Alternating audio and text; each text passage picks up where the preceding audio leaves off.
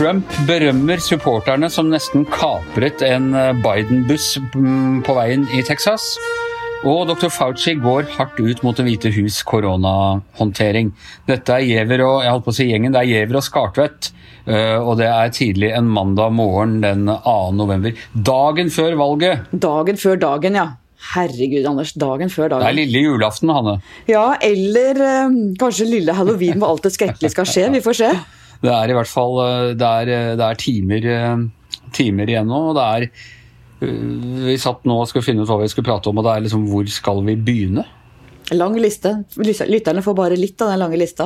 Heldigvis for dem, får Ja. vi nesten si. Ja.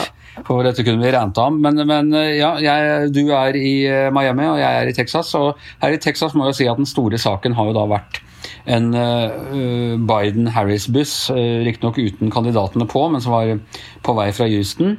Og som ble omringet av, i beste sånn Mad Max-stil, eh, omringet av eh, biler med, med Trump-supportere. Og liksom presset av veien.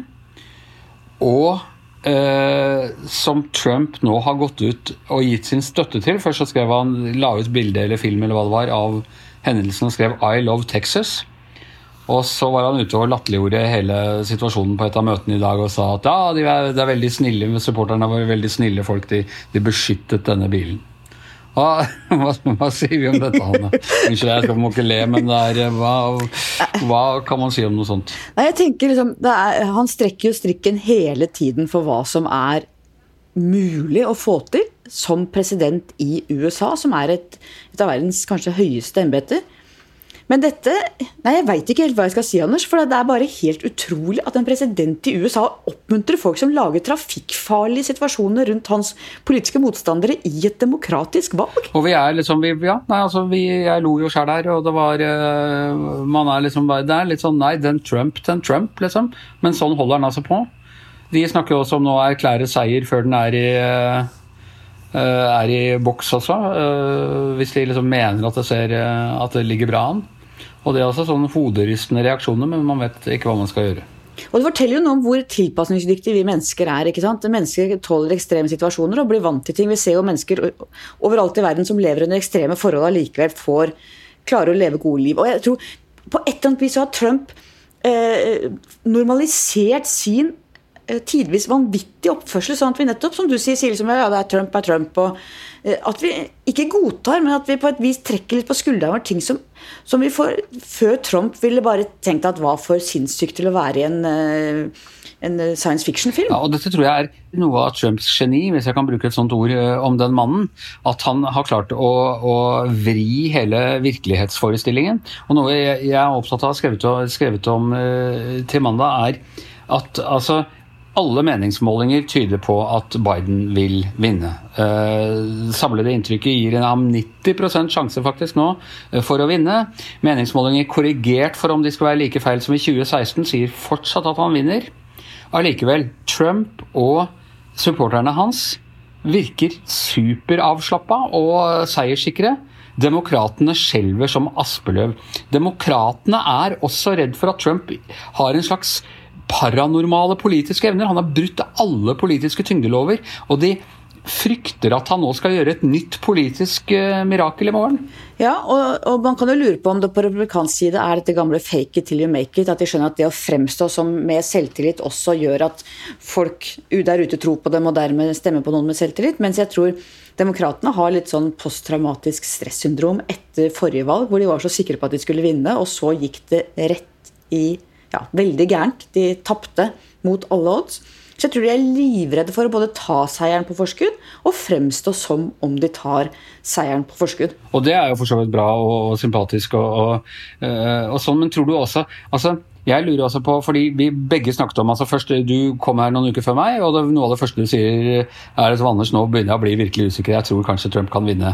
Og jeg var, satt sånn og leste statistikk hjemme og sa nei, ja, jeg ser ut som han øh, Biden har gode sjanser og sånn. Men en gang jeg kommer hit, så snur den følelsen seg litt. Og tror du det kan ha også med synligheten å gjøre? Altså det at Demokratene har jo gjort et poeng ut av at de skal være veldig forsiktige, og de bruker disse munnbindene selv når de ikke trenger dem. og Camilla Harris' rally jeg var på, så slapp de omtrent ikke inn folk i det hele tatt, og det var flere motdemonstranter utafor enn en det var supportere. Så du ser jo, når du reiser rundt i USA her, ser du liksom demokratene i Miami? Nei. Jeg så en fyr når jeg var ute og gikk nå i stad, da så jeg en fyr på sykkel med et sånn svært Biden-skilt foran på sykkelen sin, men det er det første jeg har sett. Ja. Men jeg har sett en del biler med svære Trump-flagg faktisk, som kjører sånne pickup-biler med store flagg bakpå, som kjører nedover veiene her.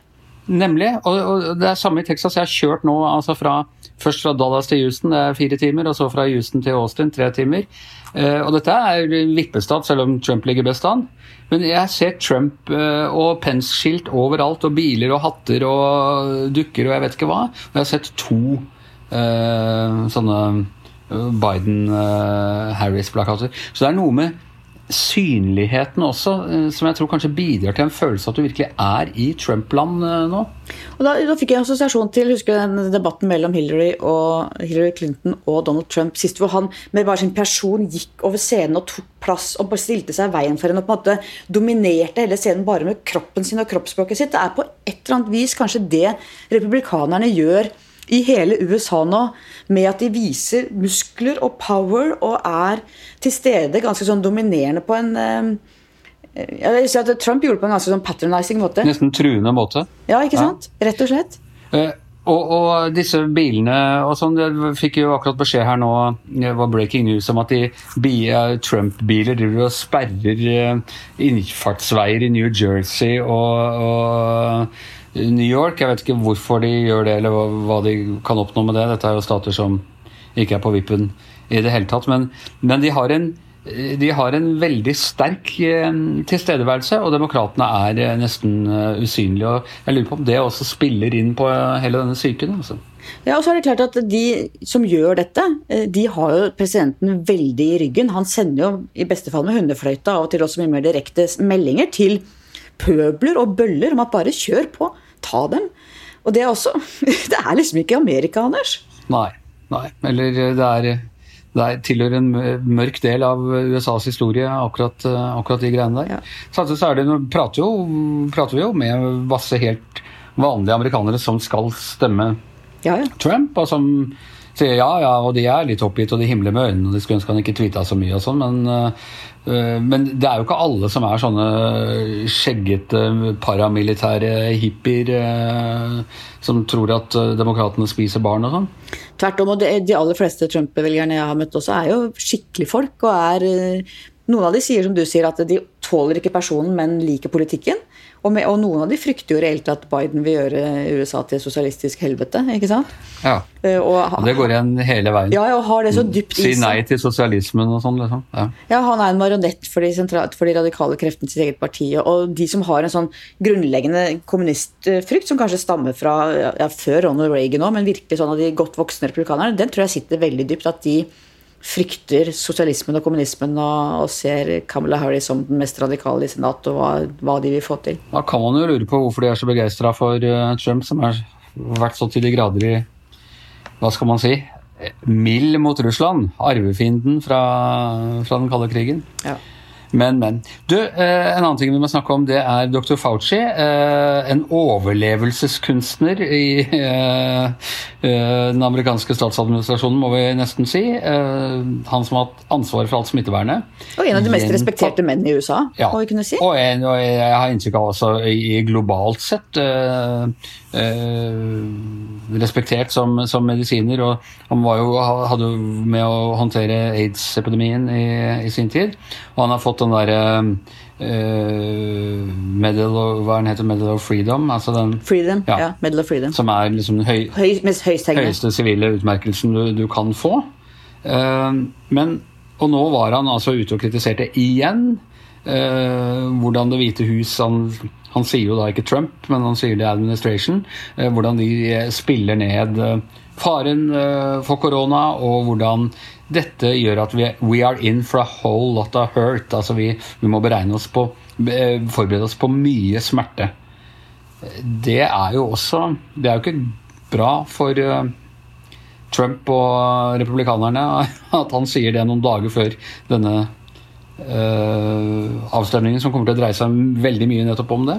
Nei, og Fauci er jo veldig godt eksempel på virkelig hva skal si, ultimate amerikanske offentlige tjenestemann som går inn, gjør en tjeneste for nasjonen, legger all partipolitikk til side, og har jo tjent under Trump og blitt skjelt ut for eh, idiot, har han kalt han, ikke sant? En eh, katastrofe. altså Det er ikke måte på hvilke Men han er samtidig en Trump har, er litt redd for. Han har jo ikke turt å sparke ham, f.eks. Nei. Nå spekuleres det jo om at dersom Trump vinner, om han da vil eh, beholde han da. Ja, nei, ja. Men, eh, men tror du han eh, vil han foreta seg noe mer? Altså, Hvite hus har jo reagert ganske kraftig mot ham i dag. Ja. Og vi har han der nye legen som Trump har trukket inn, Atlas. doktor Atlas. Ja. Veldig kult navn. Dette husker. Eh, ikke så kul fyr. Eh, han som har vært og latt seg intervjue av det derre propaganda, russiske propaganda eh, avisen eh, Russland Today, Russia Today. Og hvor han sier de helt sånn merkeligste ting om uh, håndteringen av uh, epidemien. Og du ser jo, ikke sant, Venner av, av Fauci er jo ute og, og, og roser han, sier at han er liksom den mannen med mest integritet og mest faglig tyngde av alle. Og sammen, det var en som sammenlignet med Mbeke, var det vel, afrikansk leder, som i sin tid sa at Fikk en medisinsk ekspert som sa at hiv er ikke noe problem, man dør ikke av aids. Og sammenlignet med det samme at det er på en måte det Trump gjør når han får inn denne doktor Atlas som minimaliserer hele faren ved covid i strid med alle vitenskapelige råd og ja, vitenskapen i seg sjøl. Ja, nei, det er, jo- og det er virkelig at de, at de klarer å Nå er det jo Fauci som har gått ut, da, men at de klarer å liksom selv nå i innspurten på der hvor de vet at uh, covid kan bli helt uh, avgjørende, så uh, klarer de å få fram en ny konflikt der. Selv når du ser da, ikke sant, Det kommer jo ganske nye tall nå som viser hvordan Biden gjør det veldig veldig bra blant de over 65. Det er nytt, for det har jo egentlig vært kjernevelgeren til Trump. Men at det kobler man veldig til koronaen. Til at de gamle er jo risikogruppen. De er veldig redde for covid. Og så ser de at presidenten ikke tar det på alvor, ikke bruker maske og arrangerer disse svære supersmitteventene, som disse rallyene hans er. Hvor han jo vet at dette fører til økt smitte. kom en rapport fra Stanford som sa at eh, de beregnet at kanskje 30 000 hadde blitt smittet som følge av Trumps rallyer, og kanskje opptil 700 eh, var døde pga. Trumps samling, store samling av folk, tusenvis av mennesker uten masker. Så det er klart at de gamle i USA setter ikke noe særlig pris på det, og de svikter Trump nå. Da må jeg legge til at den undersøkelsen er litt omdiskutert, den metodikken der. Ja. For de har, de har ikke smittespora direkte, men de har målt med områder hvor det har vært sånne rallies, og områder hvor de, hvor de ikke har vært. Men ja, nei, altså det er jo en stor ting. Men øh, gjelder dette hvite eldre velgere også? Eh, at Biden tar de også? I hvert fall den målingen jeg så, det var bare eldre, eldre over 65, og da var det altså 65% av de som nå støtta Biden, som er oppsiktsvekkende høyt. Det, ja, og det er jo interessant, og det er heller ikke noe godt tegn for Trump, for det er jo de eldre som er flinkest til å, til å stemme i USA. Mm. Men jeg er også spent på hva ungdomsstemmene kommer til å eh, gjøre i år. Har man klart å, Demokratene har jo prøvd å vitalisere ungdommen. Det klarte man veldig godt under eh, Obama. Eh, og det tydet på at man kunne gjøre det under, eh, med Bernie Sanders. Litt usikker på om de eh, kommer til å klare å få det til nå med, med Biden. Hva tror du? Ja, det jeg hørte i dag, var at, eh, at også der, de siste, de siste seks ukene, så har det kommet stadig flere unge velgere inn. Folk som syns at Biden var en litt gammel skrulling i begynnelsen, men som nå eh, er blitt mobilisert. Spørsmålet er jo om de faktisk går og stemmer, eller om de bare svarer på meningsmålinger. Det er jo det som alltid er den store ukjente med unge velgere. Nei, Der er det fristende med sånn svogerforskning og folk jeg snakker med osv. Så videre, sånn, men er, jeg tror vi skal, skal vente til, til valget er over før vi konkluderer der.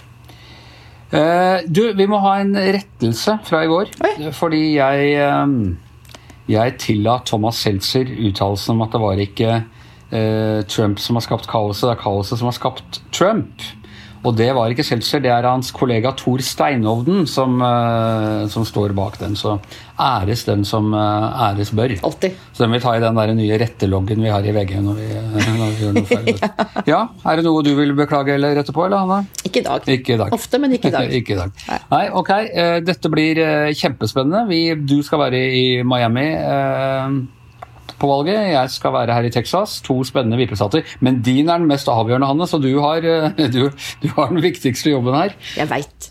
Og jeg har så sommerfugler i magen, Anders. Ja, det skjønner Det jeg. er eh, ja. Altså Hvis Miami Det var Eirik Mosveen husker jeg, som var der, i, eh, var der for, for fire år siden. Og, og da, da Florida gikk til Trump, var det liksom at vi skjønte for alvor at dette kunne gå den veien.